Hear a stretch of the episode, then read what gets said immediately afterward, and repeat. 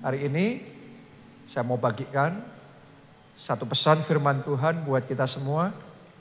Judulnya Anda penting di mata Tuhan. Tahukah saudara, di mata Tuhan Anda berharga, Anda spesial, dan Anda penting. Mari kita baca Lukas 1 ayat yang ke-26 sampai ayatnya yang ke-31. Dalam bulan yang keenam, Allah menyuruh malaikat Gabriel pergi ke sebuah kota di Galilea bernama Nazaret kepada seorang perawan yang bertunangan dengan seorang bernama Yusuf dari keluarga Daud. Nama perawan itu Maria. Ketika malaikat itu masuk ke rumah Maria, ia berkata, "Salam, hai engkau yang dikaruniai." Anda perhatikan, salam hai engkau yang dikaruniai. Tuhan menyertai engkau. Maria terkejut mendengar perkataan itu, lalu bertanya di dalam hatinya, apakah arti salam itu? Kata malaikat itu kepadanya, jangan takut hai Maria, sebab engkau beroleh apa? Kasih karunia di hadapan Allah.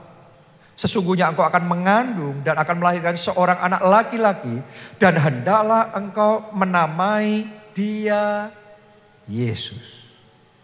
Kalau Anda renungkan di dalam kisah ini, Anda akan menyadari bahwa sebenarnya Maria ini benar-benar beroleh kasih karunia. Kenapa? Karena dia sebenarnya adalah gadis yang biasa, dari keluarga biasa, bukan dari keluarga konglomerat, bukan dari keluarga pejabat tinggi atau orang terkenal zaman itu. Jadi dia nggak punya secara manusia ya, dia nggak ada sesuatu yang terlalu istimewa, pekerjaannya juga biasa-biasa, semuanya dalam hidupnya biasa. Tetapi bagaimana mungkin yang biasa seperti itu justru yang dipilih oleh Allah untuk mengandung dan melahirkan bayi Mesias, sang juru selamat dunia. Saya mau ngomong sama saudara, walaupun di mata Maria sendiri dia orang biasa, tapi di mata Tuhan dia istimewa. Dia penting. Kadang-kadang kita juga merasa di pemandangan kita, kita menilai diri kita sendiri, kita orang biasa. Kadang-kadang banyak orang yang merasa dirinya aku bukan orang yang penting, gak seperti orang-orang besar itu. Seolah-olah kayak kita sama mereka beda. Kayak seolah-olah gak ada yang penting dalam hidup kita, pekerjaan juga biasa-biasa, keuangan juga biasa-biasa, skill, kemampuan, kepandaian juga biasa-biasa, semuanya biasa-biasa. Hari ini saya mau ngomong sama saudara, walaupun engkau merasa biasa dalam penilaianmu sendiri, tetapi jangan lupa di mata Tuhan Anda istimewa. Anda spesial, Anda berharga, Anda penting di mata Tuhan. Dan Tuhan punya rencana yang besar di dalam hidup saudara. Itu yang dialami oleh Maria sama juga yang dialami oleh para gembala di Padang. Masih ingat gak kisah itu? Karena di bulan Desember ini kita banyak belajar kisah Natal ya. Nah para gembala di Padang pada zaman itu gembala adalah pekerjaan yang dianggap rendahan. Sehingga ketika orang ngerti mereka gembala ya, orang lain akan memandang mereka sebelah mata, meremehkan mereka, ya dianggapnya second class of society. Oke, jadi masyarakat yang kayak ya kayak gitulah. Tapi yang luar biasa ketika sang Mesias, Raja dan segala Raja, Tuhan di atas segala Tuhan, mau datang ke dunia ini. Dan kemudian diutus pesan, diutus utusan untuk menyampaikan kabar baik itu. Dan kemudian salah satu utusannya adalah paduan suara surgawi. Coba Anda bayangkan, kalau seandainya konser tim musik paling terkenal di dunia datang di Jakarta, ngadain konser, orang berebut masuk ke situ. Dan hanya orang yang punya duit yang akan bisa masuk ke situ, apalagi duduk di kursi yang paling depan, yang VIP. Tapi anehnya begini, semua orang yang secara manusia qualified pada waktu itu malah tidak menyaksikan. Tapi gembala-gembala di Padang yang dianggap sebelah mata, yang diremehkan, yang oleh orang lain dianggap gak ada apa-apanya, yang dapat VIP seats-nya. Yang dikasih kursi VIP-nya mereka sendiri private party. Untuk menyaksikan paduan suara surgawi. Bukan cuma tim musik paling hebat di bumi. Tapi di bumi dan di surga. Tidak ada duanya. Malaikat sendiri. Coba anda renungkan, bukankah itu yang dicatat oleh firman Tuhan? Seringkali Allah memakai yang lemah menurut dunia, dipakai oleh Allah untuk mempermalukan yang kuat. Yang bodoh dipakai oleh Allah untuk memperlakukan yang pintar menurut dunia. Jadi hari ini kalau ada di tempat ini, saudara merasa kayak dipandang sebelah mata oleh teman saudara. Dianggap gak ada apa-apanya oleh lingkungan di sekeliling saudara. Bahkan mungkin oleh keluargamu sendiri, oleh orang tuamu sendiri. Orang yang harusnya mendukung, mensupport, mempercayai saudara. Tapi malah menganggap saudara gak ada harapan, gak punya potensi, gak ada masa depan. Secara manusia mungkin benar seperti itu. Tapi hari ini jangan pernah lupa satu fakta yang lain yang lebih penting dari semua penilaian dan anggapan manusia. Yaitu di mata Tuhan Anda tetap istimewa, Anda berharga dan Anda spesial. Tuhan mengasihi saudara punya rencana yang besar dalam hidup saudara. Amin. Jadi hari ini sadari bahwa saudara penting buat Tuhan. Saking pentingnya Anda buat Tuhan, sampai Tuhan rela tukarkan nyawanya, tubuhnya dan darahnya buat saudara dan saya. Saya mau tanya sama saudara, selesai ibadah ini, Anda turun ke bawah, ke mall, terus kemudian Anda melihat barang yang bagus sekali, Anda suka, terus biasanya setelah melihat barangnya, kita melihat apanya? Harganya berapa?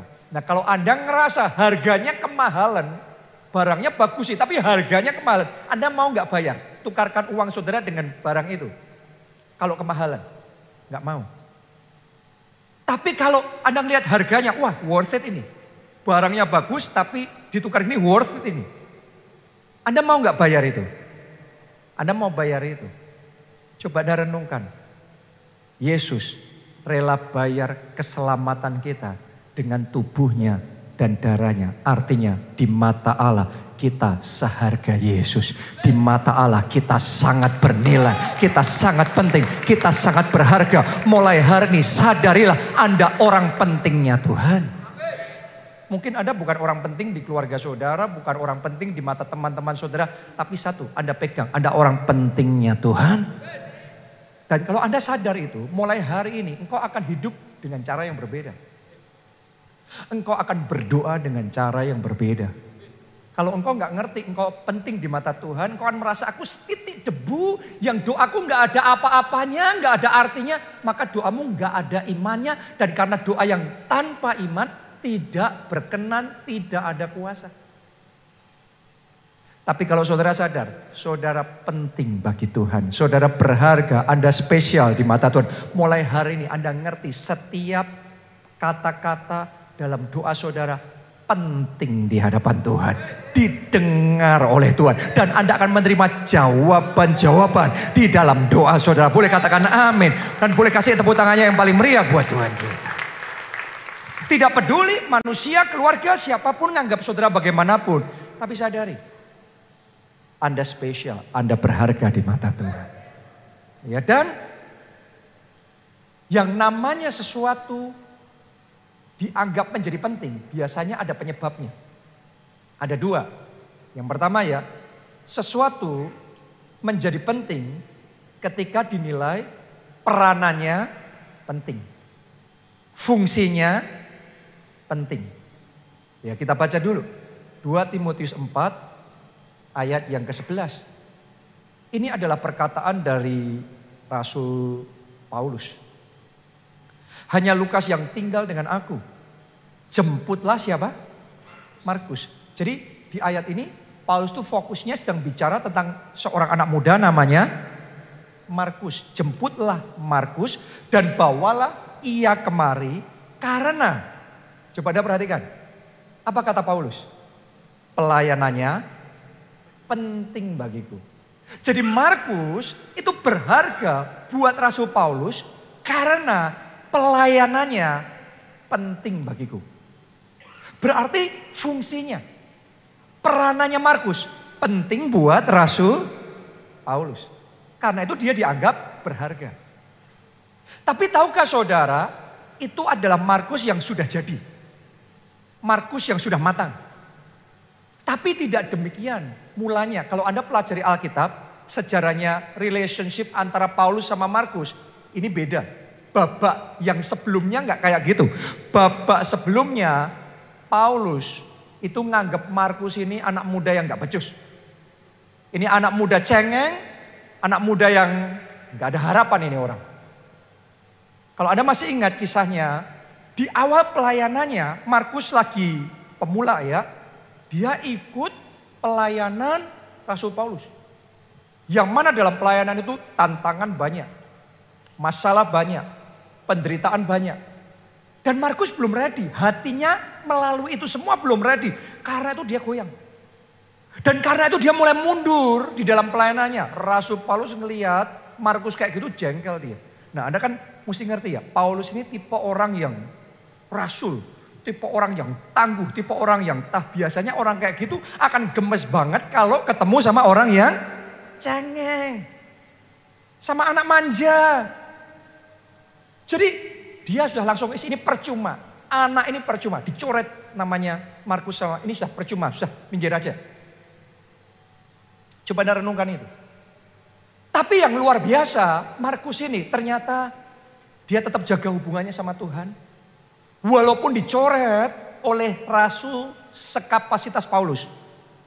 Tapi dia tidak menjadi kecewa. Dia terus maju di dalam Tuhan.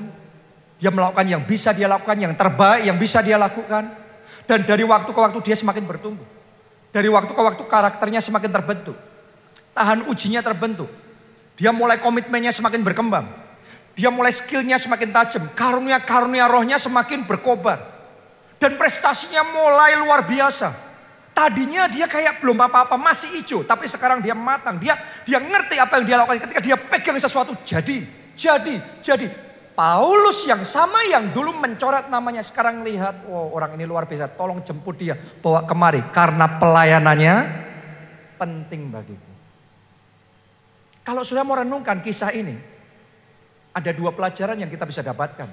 Yang pertama, kalau kita ada di sisinya Paulus, kita ketemu orang yang di bawah kita, yang yang uh, apa tuh namanya juniornya kita, yang yang posisinya ada di bawah kita. Kepandaiannya di bawah kita. Kekayaannya di bawah kita. Jabatannya di bawah kita. Saya mau ngomong begini sama saudara. Jangan pernah merendahkan orang lain yang di bawah kita. Hari ini orang itu bukan siapa-siapa. Belum tentu selamanya dia bukan siapa-siapa. Hari ini dia anak muda ingusa. 10 tahun dari sekarang dia bisa jadi CEO yang memimpin perusahaan besar dan punya dampak global luar biasa. Anda nggak pernah tahu itu. Oke, jadi kalau Anda posisinya di atas, jangan pernah merendahkan orang lain. Juga kalau orang itu di satu bidang nggak bisa bagus, belum tentu di bidang lain nggak bagus. Di satu bidang mungkin bukan bidangnya. Talentanya mungkin di bidang lain, di situ dia bersinar. Di situ dia flourish, dia mekar luar biasa. Jadi jangan pernah menganggap rendah orang lain. Nanti kita malu sendiri.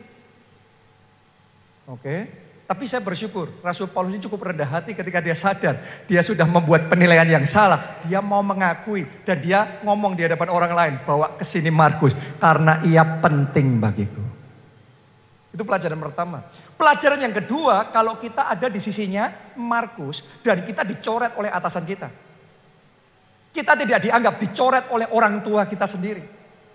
Keluarga kita sendiri atau bahkan kita dicoret oleh hamba Tuhan sekelas Rasul Paulus. Sekelas Nabi Elia. Kita pikir itu sudah akhir dari segalanya. Saya mau ngomong begini sama saudara. Yang mencoret boleh siapa pun asal bukan Tuhan yang mencoret saudara masih tetap ada harapan di dalam Tuhan karena pengharapan akan Allah tidak mengecewakan. Amin. Jadi walaupun manusia mencoret saudara, jangan berkecil hati, jangan berputus asa selama Tuhan tetap punya rencana besar dalam hidup saudara. Anda percaya, maka keadaan bisa berubah. Amin.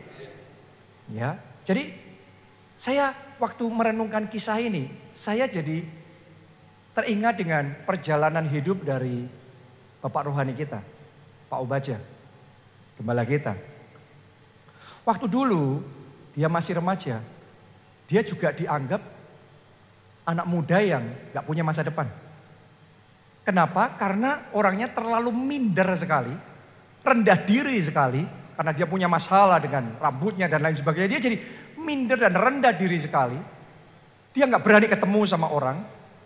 Jangankan ketemu bicara. Ya. Membangun hubungan.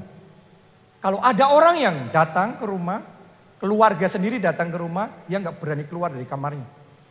Bahkan dia sembunyi di bawah ranjang. Coba renungkan itu.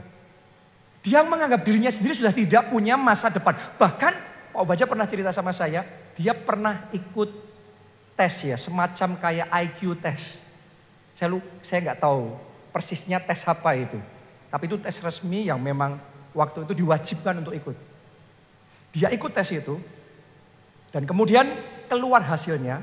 Hasil tesnya mengatakan orang ini Pak Obaja tidak mungkin jadi pemimpin dan tidak punya kemampuan jadi pemimpin. Itu hasil tesnya. Kayak Markus sudah dicoret namanya sama Rasul Paulus. Sekarang ini tes yang sudah diformulakan oleh para pakar yang mana ngerti bakatnya bahwa orang ini tidak punya kemampuan dan tidak bakal bisa jadi pemimpin. Puji Tuhan Pak Obaja tidak menerima tesnya para ahli itu sebagai keputusan final. Sadarilah keputusan final hanya dari atas. Selamat Tuhan masih ngomong go. Selamat Tuhan masih ngasih lampu hijau. Selamat Tuhan masih menyertai. Jangan menyerah, jangan takut, jangan kecil hati saudara. Karena Tuhan sanggup membalikan kelemahan saudara menjadi kekuatan. Tuhan sanggup membalikan kegagalan saudara menjadi keberhasilan. Tuhan sanggup mengubah batu sandungan jadi batu lompatan. Di sini ada yang sedang menghadapi batu sandungan. Harusnya Anda tersandung dan jatuh. Tapi batu yang sama dalam nama Yesus diberkati, diurapi masalah yang sama diberkati, diurapi Tuhan pakai itu untuk membawa lompatan yang lebih besar, terobosan yang lebih besar di dalam hidup saudara. Amin. Jadi jangan berkecil hati kalau Anda dalam posisi Markus yang dicoret oleh orang lain siapa pun itu. Kalau Anda dalam posisi Markus atau Pak Obaja, ada tes, kemudian muncul hasil tes, ada sakit penyakit yang tidak bisa diobati. Mungkin secara medis itu benar. Tapi jangan pernah lupa, engkau punya Tuhan yang besar. Dan bagi Tuhan, Anda penting, Anda berharga, Anda spesial. Kalau saudara tetap percaya sama Tuhan, Anda akan melihat tangannya bertindak dalam hidup saudara. Dan kalau tangannya bertindak, maka pintu-pintu akan terbuka dalam hidupmu. Boleh kita katakan amin. Kita kasih tepuk tangan yang meriah buat Tuhan. Haleluya. Jadi sadarilah bahwa dirimu penting, berharga di mata Tuhan. Tadi kita belajar yang pertama, sesuatu itu menjadi penting karena apa? Fungsi. Tapi tidak selalu karena fungsi. Anda penting buat Tuhan karena cinta. Karena Tuhan mengasihi saudara. Jadi sama seperti kayak cincin kawin ini. Buat saya cincin kawin ini penting bukan semata-mata nilai rupiah emasnya. Buat saya ini jauh lebih dari sekedar nilai rupiahnya. Kenapa? Karena ini adalah simbol cinta saya sama istri saya. Ini lebih berharga dari sekedar rupiah. Sama seperti kalau saudara punya anak. Anak saudara yang kalau masih bayi ya, sudah belum bisa bekerja, membalas budi orang tua. Belum bisa dong.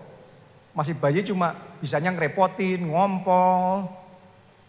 Buat saudara begadang. Tapi saya mau tanya sama saudara, walaupun dia belum bisa berfungsi, pentingkah dia buat Anda? Oh segalanya. Kenapa? Karena Anda sayang sama anak saudara itu. Lebih dari itu, Tuhan sayang sama saudara. Tuhan mengasihi saudara. Anda mungkin belum bisa melakukan banyak buat kerajaan Allah. Anda mungkin masih jatuh bangun di dalam dosa. Anda mungkin ketaatannya masih terbatas sebisanya. Iblis mungkin berusaha mengintimidasi kamu kalau kayak gitu nggak layak, nggak usah beribadah, nggak usah ke gereja, kamu ngapain berdoa, kamu nggak layak. Tapi hari ini dengarkan baik-baik Alkitab berkata sekalipun kita tidak setia, dia tetap setia. Alasannya cuma satu, karena dia mengasihi kita. Karena dia sayang sama saudara dan saya. Dia mau mengampuni dosa-dosa kita. Dia mau menerima kita apa adanya. Dia mau memulihkan hidup kita. Dan dia mau membalikkan kehancuran menjadi kejayaan.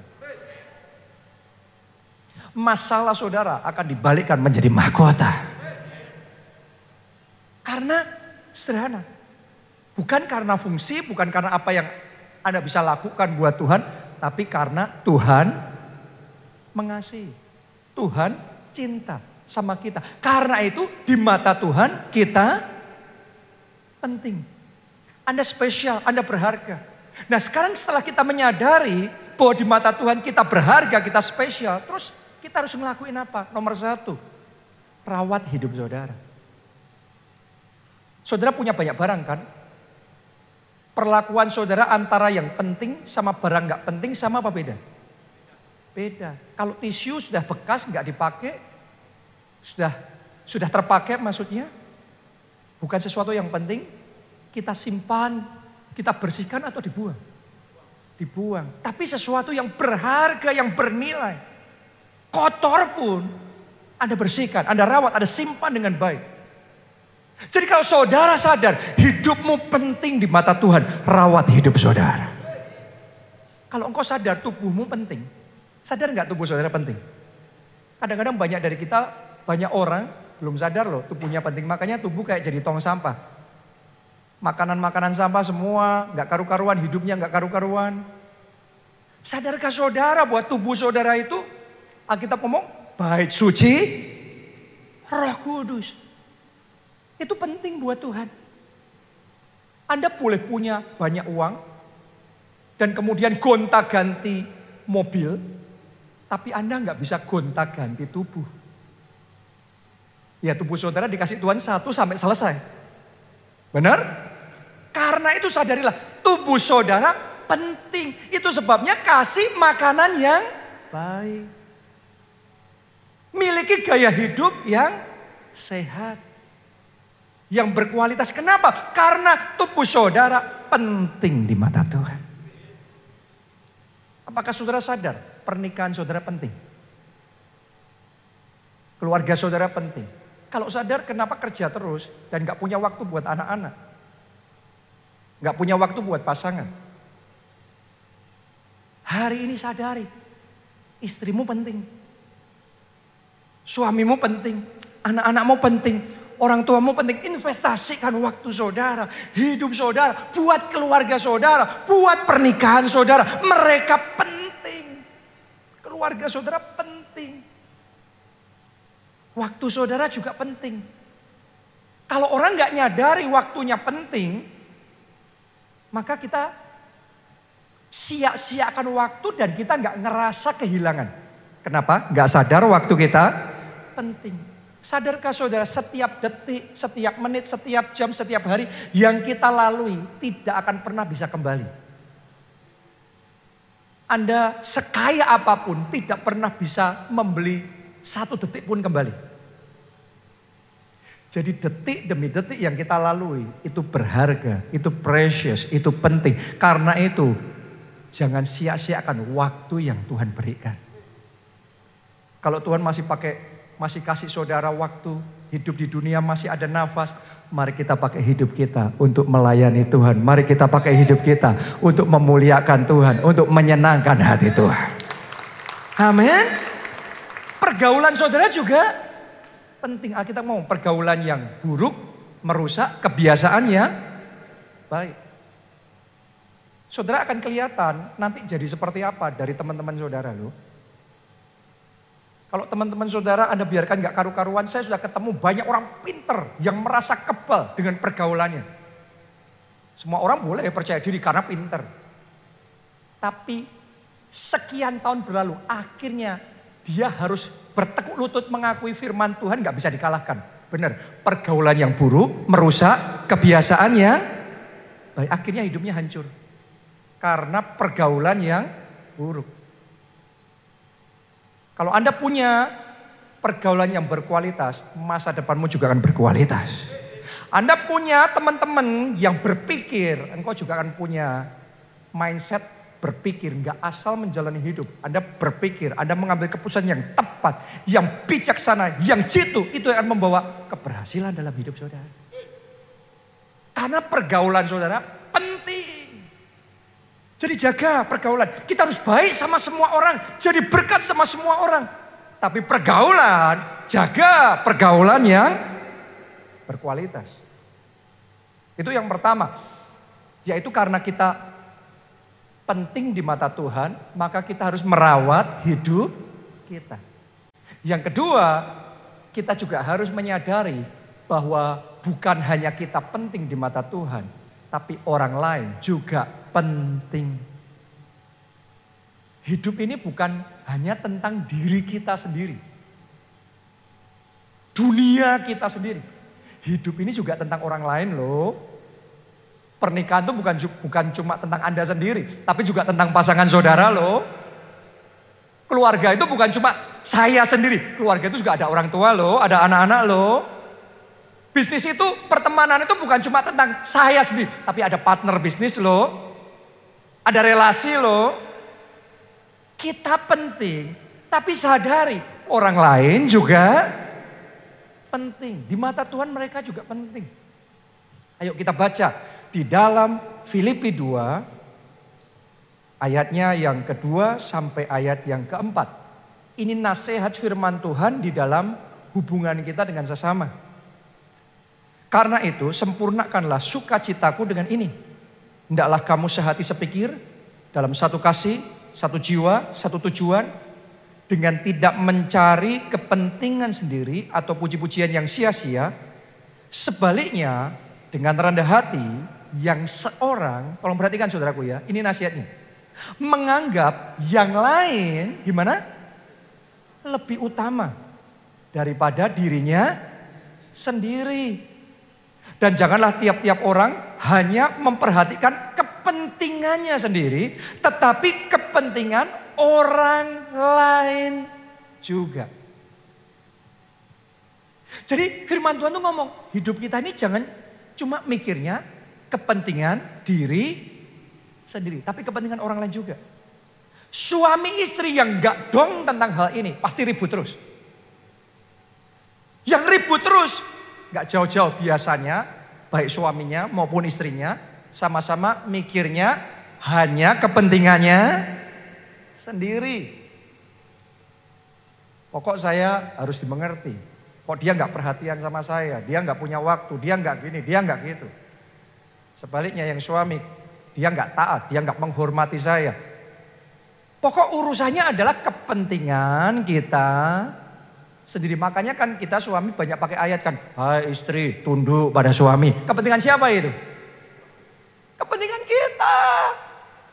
Istri juga, hai suami. Kasihlah istrimu kepentingannya siapa itu? Kita, yang kita tuntut kepentingan kita. Yang kayak gitu mesti ribut terus. Gak ada akhirnya. Kalau di masyarakat kita ribut sama ini, kita ribut sama itu. Sama banyak orang ribut. Sudah jelas, sering kali yang kita pikirkan hanya kepentingan kita sendiri. Saudaraku, hari ini saya mau ngomong sama saudara. Firman Tuhan mengatakan, jangan hanya kepentingan sendiri, tapi perhatikan juga kepentingan orang lain. Bahkan Tuhan memberikan nasihat, firman Tuhan memberikan nasihat menganggap orang lain lebih utama daripada kita. Wah kalau gitu saya kalah dong. Anda praktekkan firman Tuhan itu nggak bisa dikalahkan. Anda nganggap orang, Anda nganggap pasanganmu, suamimu, istrimu lebih utama. Nanti dia juga nganggap Anda lebih utama. Saling diutamakan. Akan jadi indah dalam pernikahan, dalam keluarga. Jadi surga di rumah, jadi surga di bumi. Boleh katakan amin. Tepuk tangannya boleh yang paling meriah buat Tuhan kita. Jadi mari kita buka hati kita lebar-lebar. Di momen Natal ini, mari kita perhatikan kepentingan orang lain. Ini bulan Desember, bulan yang spesial. Saya ajak saudara mulai bulan ini.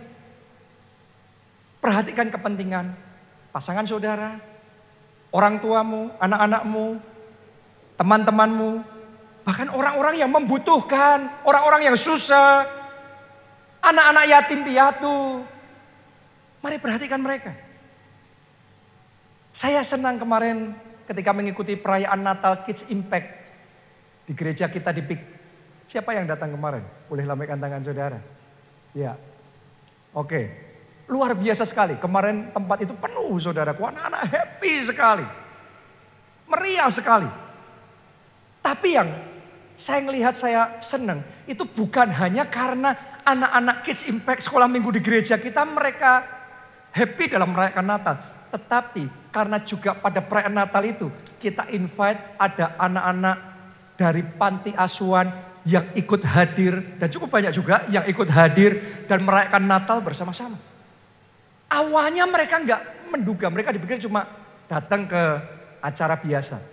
Mereka surprise, mereka kaget, wah acaranya bagus, acaranya meriah sekali. Kita kasih apresiasi, bahkan kita berkati mereka. Mereka pulang dengan sukacita. Di momen Natal ini saya ajak saudara nggak cuma mikir diri sendiri terus nggak cuma doanya untuk saya terus untuk diri sendiri terus.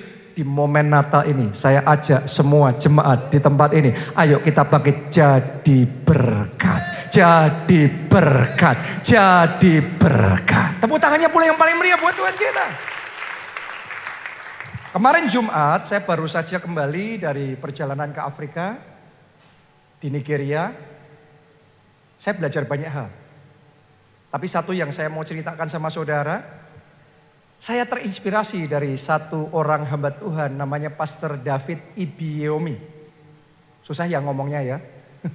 Tapi dia itu cucu rohani dari Pastor Adeboye. Ya. Ini orang yang luar biasa. Dia punya prinsip dalam hidupnya yaitu rising by lifting others. Jadi dia maunya naik dengan apa? Mengangkat orang lain. Jadi berkat buat orang lain. Jadi dia itu sudah sejak dari awal hatinya itu memang giving. Jadi berkat, jadi berkat. Makanya sampai Tuhan bawa pun juga sampai sekarang dia terus hatinya jadi berkat bagi orang lain. Dia mendirikan yayasan dan melalui yayasannya itu dia memberikan banyak sekali beasiswa sehingga di sana orang-orang yang kepingin kuliah, tapi nggak punya dana, harusnya putus kuliah, sekarang bisa kuliah.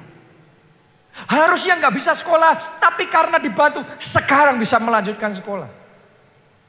Itu hidupnya jadi berkat luar biasa.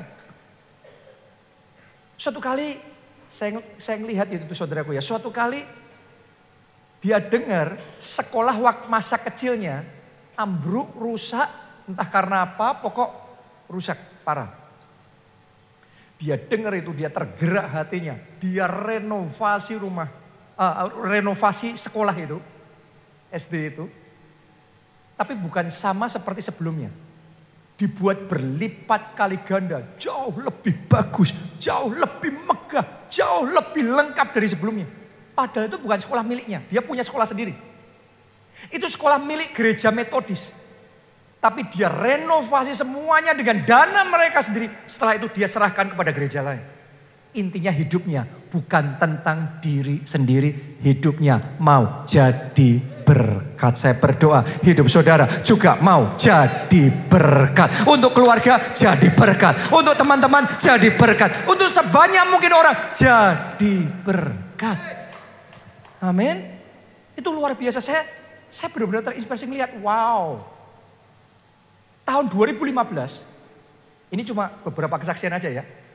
tahun 2015 dia disuruh sama Tuhan jadi berkat buat tiga pendeta, tiga hamba Tuhan. Senilai satu juta US dollar. Satu juta US dollar. Berarti sekarang berapa itu? 15 M lebih ya. Itu 2015. Dia jadi berkat. Dia nggak mikir apa-apa ya sudah. Jadi berkat ya sudah selesai. Setelah itu sudah. Dia nggak mikir dia pokok maunya hidupnya jadi berkat. Dia nggak mikir apa-apapun. Firman Tuhan tetap berlaku. Orang kalau jadi berkat, dianya sendiri akan diberkati. Orang kalau menabur pasti akan menuai. Dengan cara yang ajaib. Ternyata saudaraku setelah enam tahun. Ini peristiwa terjadinya 2021 berarti enam tahun ya. enam tahun. Ya, setelah enam tahun dari taburan enam tahun sebelumnya itu, entah gimana Tuhan buka jalan, sehingga di Desember 2021, berarti setahun yang lalu, tiba-tiba dia terima pemberian besar sekali, satu properti, tanah dan bangunan di Alabama, di Amerika Serikat. Yang besar, yang luas sekali, sehingga untuk membayar asuransinya saja nilainya 7 juta US dollar. itu nggak tahu berapa itu nilai nilai propertinya saya nggak ngerti berapa. Tapi asuransinya aja yang saya dengar itu 7 juta US dollar.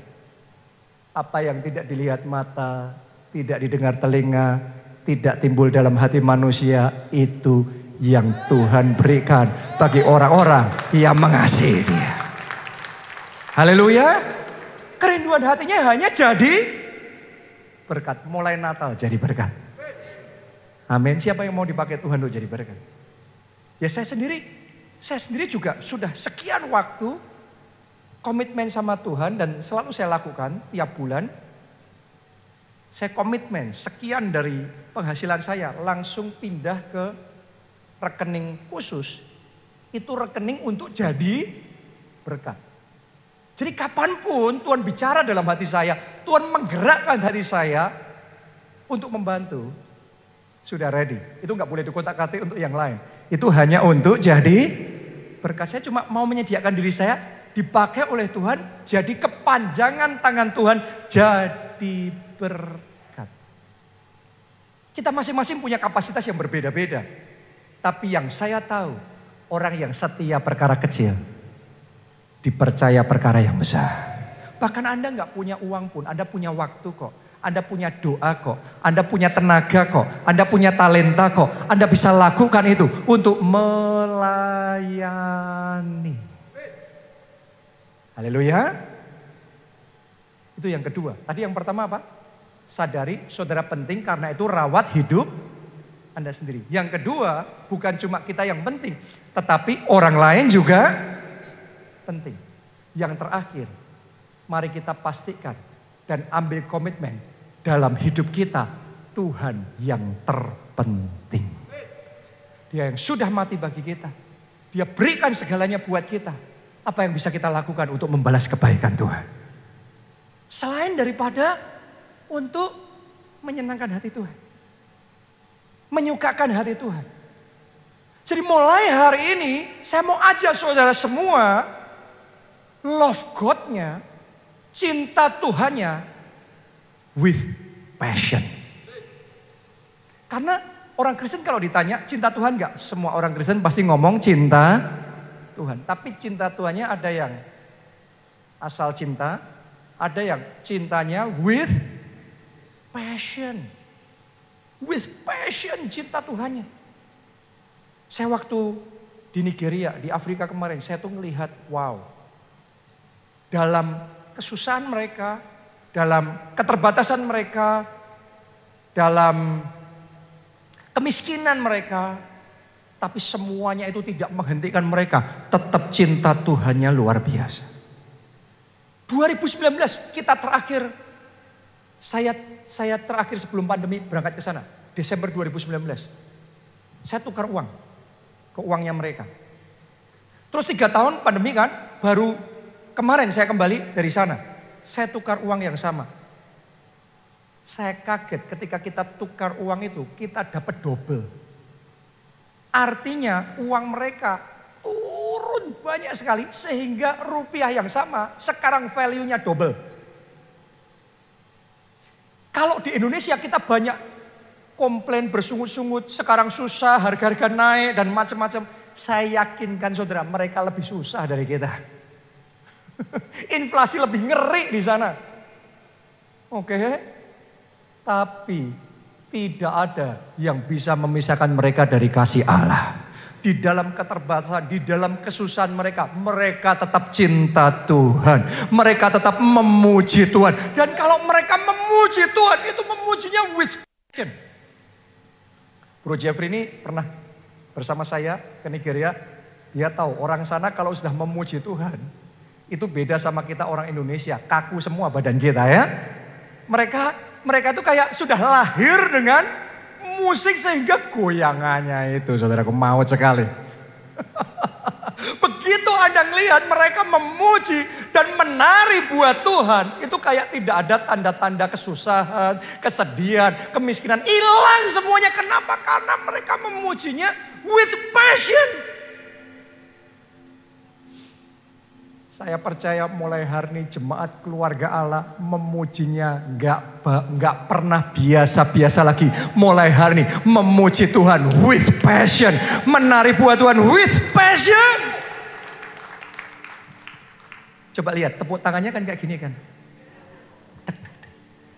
Kalau kita di Indonesia ngomong amin, aminnya gimana? Amin. Ini normal, amin. Normal. Kalau di sana benar apa tidak? Aminnya gimana? Jadi kalau saudara ke sana, amin. Gak normal saudara. Coba lihat kanan kiri, normal gak itu kanan kiri saudara? Sekali lagi. Oh tepuk tangannya with passion buat Tuhan kita. Mereka doanya juga with passion. Bukan doa sambil ngantuk-ngantuk. Mereka doanya with passion. Wow. Mereka basar with passion. Praying with passion. Beribadahnya with passion. Rohnya menyala-nyala. Di Indonesia, kalau nggak hati-hati ngalami penurunan ini. Zaman dulu, gereja itu ibadah. Sekali ibadah tiga jam. Terus lama kelamaan, semakin modern, Katanya efisiensi. Jadi dua jam. Terus satu setengah jam. Terus sejam. Sekarang berapa banyak gereja mulai arahnya kurang dari satu jam. Coba saudara renungkan itu. Rasanya buat kita itu kalau sudah store wajah aja sama Tuhan sudah lega di hati. Oke, sudah ngerasanya sudah bayar dosa kita. Pokok sudah ke gereja. Oh, nothing like that. Gak harusnya kayak gitu. Di sana mereka kalau KKR, saudara kalau ikut sama saya ya, saya berdoa dan dikasih Tuhan kesempatan ikut. Karena seru banget, asik banget ya. Mereka kalau KKR itu seminggu penuh, dari Senin sampai Minggu. Dan tiap hari pagi sampai malam. Nah, saya berangkat hari Selasa mendaratnya Rabu pagi siang. Terus kita siap-siap berangkat itu Rabu, saya ingat jam 5. Saya berangkat jam 5, ibadah baru selesai jam 1 malam. Kamisnya saya berangkat jam 5 lagi. Ibadah selesainya jam 2 malam. Gak ada yang pulang dulu. No. Tambah malam tambah hot saudara. Hari Jumatnya itu peaknya, puncaknya itu, itu istilahnya ya puncak KKR-nya mereka. Itu Jumat, selalu tiap Jumat. Ya. Itu saya harus berangkat lebih awal jam 4. Sore berangkat. Coba tebak, saya pulang jam berapa? Kemarin saya sampai hotel saya jam 6 pagi. Coba saudara renungkan itu. Jadi 12 jam lebih. ibadah, memuji, menyembah Tuhan. Dan itu nggak kayak saudara di sini enak ada AC-nya. Di sana angin bropos. Dan di sana apa itu kipas anginnya ngeri saudaraku. Itu kipas angin Afrika beneran. Kalau kita mah di Indonesia kita kipas angin yang kecil gitu kan. Kalau di sana kipas anginnya diameter berapa itu ya? Kayak helikopter beneran. 10-15 meter saudaraku. Itu wus, wus, wus. 12 jam Anda di wus, wus, wus. Orang Indonesia ngomong, wah sakit ini, kita sakit ini. Tapi saudara, nanti kalau ikut sama saya jadi saksinya. Peserta kita semua dari Indonesia yang ke sana gak ada yang sakit. Semuanya diurapi, semuanya sehat. Itu luar biasa benar. Jadi mereka ibadahnya with passion. Oh, saya berdoa. Sukacita yang baru di dalam melayani Tuhan, di dalam beribadah, di dalam berdoa, di dalam memuji dan menyembah Tuhan dibangkitkan dalam hati saudara. Apinya nyala kembali. Tepuk tangannya boleh yang paling meriah buat Tuhan kita. Dan ini sudah dimulai nih. Kemarin KKR Kids Impact di gereja kita di Pix suara sekali. Tadi saya cerita sama saudara. Hari sebelumnya gereja kita di Jogja juga KKR Kids Impact karena seminggu ini lebih banyak Kids Impact ya. Itu tempat penuh sesak sampai depan. Sampai paling depan. Itu saudara ya, kan ini tempat di rooftop di mall. Jadi bawahnya itu, yang atas itu food court, terus kemudian naik ke atas itu eskalator khusus ke tempat kita itu yang dari eskalator sampai ujung ke ujung berbagai area di mall itu itu antrian naik ke sini dan itu harus di stop. Gak tahu berapa ribu orang itu. Itu harus di stop, gak bisa masuk. Berjejal riang. Hari sebelumnya lagi gereja kita di Solo ngerayain juga Natal Kids. Kapasitas gedung 5 ribu yang hadir anak-anaknya 8.000 anak saudara. Tempatnya nggak muat nih. Nggak ada social distancing lagi nih. Dan Anda nggak perlu takut. Saya sudah nyoba di Afrika, di Nigeria. Itu 3 km kali 3 km. 9 juta meter persegi, 900 hektar. Itu KKR 17 juta orang on site di lokasi. Dan mereka, semua orang Afrika, kulit hitam, tidak ada yang pakai masker. Beneran, yang di sana pakai masker itu orang Indonesia. Atau orang Asia, itu yang masih pakai masker. Anda pergi ke Israel, apa ada yang pakai masker? Anda pergi ke Amerika, apa ada yang pakai masker? Anda ke Eropa, apa ada yang pakai masker? Gak ada, cuma kita Indonesia paling taat. Haleluya. Jadi di KKR itu kita diberkati luar biasa saudaraku. Gak cuma ini ya, kali ini di Solo ya, kali ini di Solo tahun ini spesial, paling spesial, telur paling spesial saudaraku. Karena dalam sejarah kota Solo, baru tahun ini, di bawah wali kota Solo yang sekarang, Pak Gibran ya, anaknya Pak Jokowi, di balai kotanya selama berhari-hari berminggu-minggu diadakan konser Natal. Perayaan Natal besar-besaran. Ini di balai kota. Ini adalah ketika gereja kita dikasih kesempatan memimpin. Wih, itu tempat membludak, meluber sampai orang sudah susah gerak. Itu di jalan utama. Kayak ibaratnya di Jakarta tuh Sudirman. Kalau Sudirman pusatnya di mana itu? Bundaran HI ya. Itu di sana, di Solo sudahku. Ibaratnya kayak bundaran HI-nya. Itu dipasang pohon Natal besar. Itu pohon Natal dari gereja kita di sana. Pak baca recording menyampaikan pesan Natal. Wow. Ini belum pernah terjadi sebelumnya dalam sejarah kota Solo. Tapi tahun ini breakthrough. Get ready. Bersiap. Karena revival besar akan terjadi. Kebangkitan besar akan terjadi. Biarlah rohmu menyala-nyala. Dan layani Tuhan. Anda penting, orang lain penting. Tapi mulai hari ini kita ngomong Tuhan, Engkau yang terpenting, Engkau yang terutama, Engkau yang pertama dalam hidupku. Mari kita kasih tepuk tangan yang paling meriah. Bangkit berdiri semuanya. Menyenangkan. Angkat dua tangan saudara.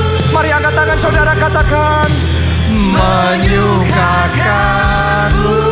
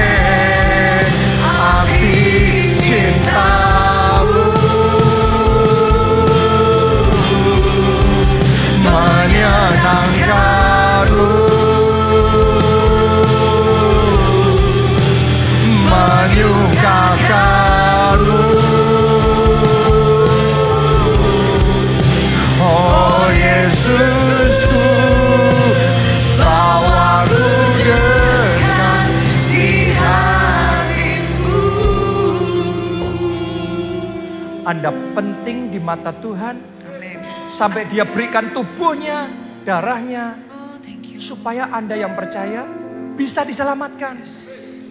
Jadi saya ingin berikan kesempatan buat saudara yang belum pernah terima Yesus sebagai Tuhan dan Juru Selamat. Ayo buka hati, undang Yesus masuk jadi Tuhan dan Juru Selamatmu. Maka engkau akan terima pengampunan dosa. Dan yang kedua engkau akan terima anugerah. Serta jaminan keselamatan untuk masuk di dalam kerajaan surga. Anda yang mau, mari angkat dua tangan saudara, ikuti doa ini. Tuhan Yesus, Tuhan Yesus masuklah dalam hatiku, masuklah dalam hatiku jadi Tuhan dan Juru Selamatku. Ampuni dosa-dosaku, dosa selamatkan aku ya Tuhan. Aku ya Tuhan. Mulai sekarang, Mulai sekarang hidupku milik Tuhan Yesus. Aku siap mengiring Yesus, melayani Yesus seumur hidupku. Terima kasih Tuhan. Amin. Yang kedua, siapa di sini yang mau dipakai Tuhan? Jadi berkat. Jadi berkat. Jadi berkat. Because life is not all about us. Life is also about other people. Hidup juga tentang orang lain, tentang kepentingan orang lain, tentang suami kita, tentang istri kita, tentang orang tua, tentang anak-anak, tentang orang lain. Siapa yang mau dipakai Tuhan jadi berkat bagi orang lain? Dan yang terpenting, hidup ini adalah tentang Tuhan. Amin. Karena itu, Siapa sih yang mau ngomong sama Tuhan? Tuhan engkau yang terpenting dalam hidupku. Engkau yang terutama, engkau yang pertama. Kenapa? Karena Alkitab yang berkata cari terlebih dahulu kerajaan Allah dan kebenarannya. Maka semuanya ditambahkan amin, kepadamu. Amin. Banyak orang mencari semuanya, mencari kesembuhan, mencari berkat. Tapi salah. Anda cari kerajaan Allah, Anda cari Tuhan. Nanti Tuhan nambahkan semuanya amin. kepada saudara. Jadi yang mau mencari Tuhan, yang mau mengutamakan Tuhan, yang mau membuat Tuhan jadi yang terpenting, yang mau dipakai Tuhan jadi berkat, yang mau dipakai Tuhan selamatkan jiwa. Angkat dua tangan sudah, katakan pakai hidupku Tuhan. Ini aku, utus aku. Jadi berkat bagi orang lain. Jadi saksi, selamatkan jiwa-jiwa. Mari semua masing-masing berdoa, berdoa, dedikasikan hidupmu untuk Tuhan, untuk kerajaan Allah. Jadi berkat bagi orang lain. Oh, rala pasya, rala pasya, Jesus. Oh, Jesus. Pakai kami, pakai kami, pakai kami, pakai tangan ini, pakai kaki ini, pakai talenta kami, pakai harta kami, pakai tenaga kami jadi berkat, jadi berkat, memajukan pekerjaan Tuhan, memperluas kerajaan Allah. Pakai kami ya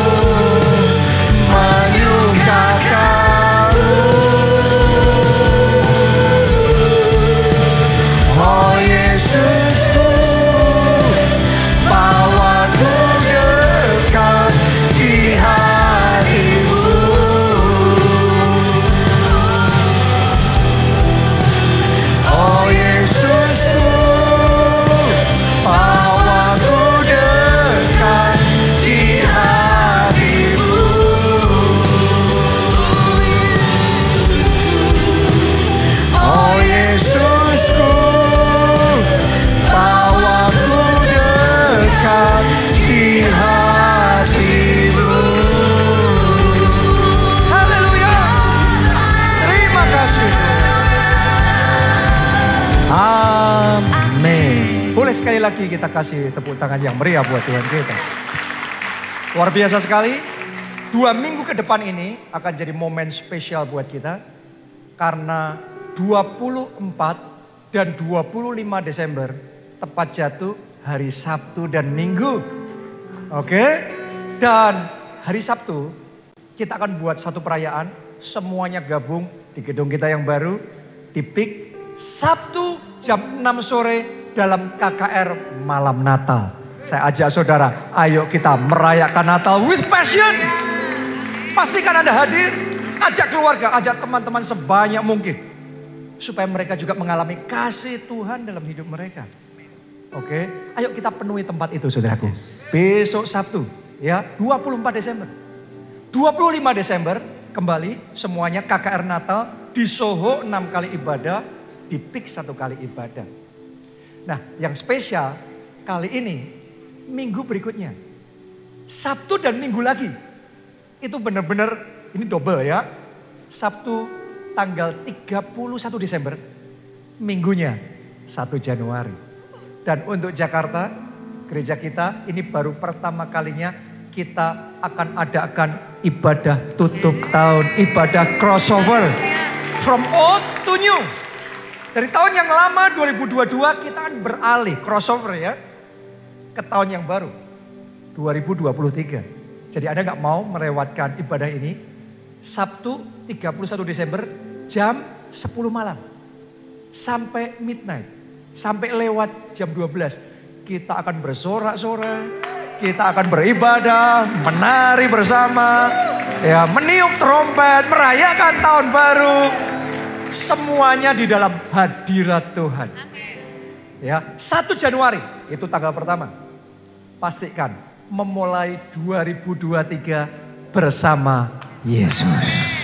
Jangan jalan sendiri, tapi bersama dengan Yesus. Nanti Anda akan melihat 2023 akan jadi tahun yang spesial, tahun yang indah, tahun yang luar biasa dalam hidup kita. Jadi tanggal sat, satunya uh, hari Minggu, Soho 6 kali ibadah, Pik satu kali ibadah, tapi hari Sabtunya ya, tanggal 31 Desember, ibadah jam berapa tadi? 10. 10 malam sampai midnight. Oke. Okay. Dua minggu ke depan pesta rohani dan berkat yang besar Tuhan berikan di tengah-tengah kita. Mari angkat dua tangan saudara dan terima blessing ini. Diberkati saudara oleh Tuhan. Amin. Diberkati keluarga saudara oleh Tuhan. Amin. Diberkati studi dan pekerjaan saudara oleh Tuhan. Amin. Diberkati kesehatan dan masa depan saudara oleh Amin. Tuhan. Dan diberkatilah pertumbuhan rohani serta pelayanan saudara oleh Tuhan. Dalam anugerah Allah Bapa, cinta kasih Yesus Kristus dan persekutuan dengan Roh Kudus sekarang sampai selama-lamanya. Mari bersama-sama kita katakan amin.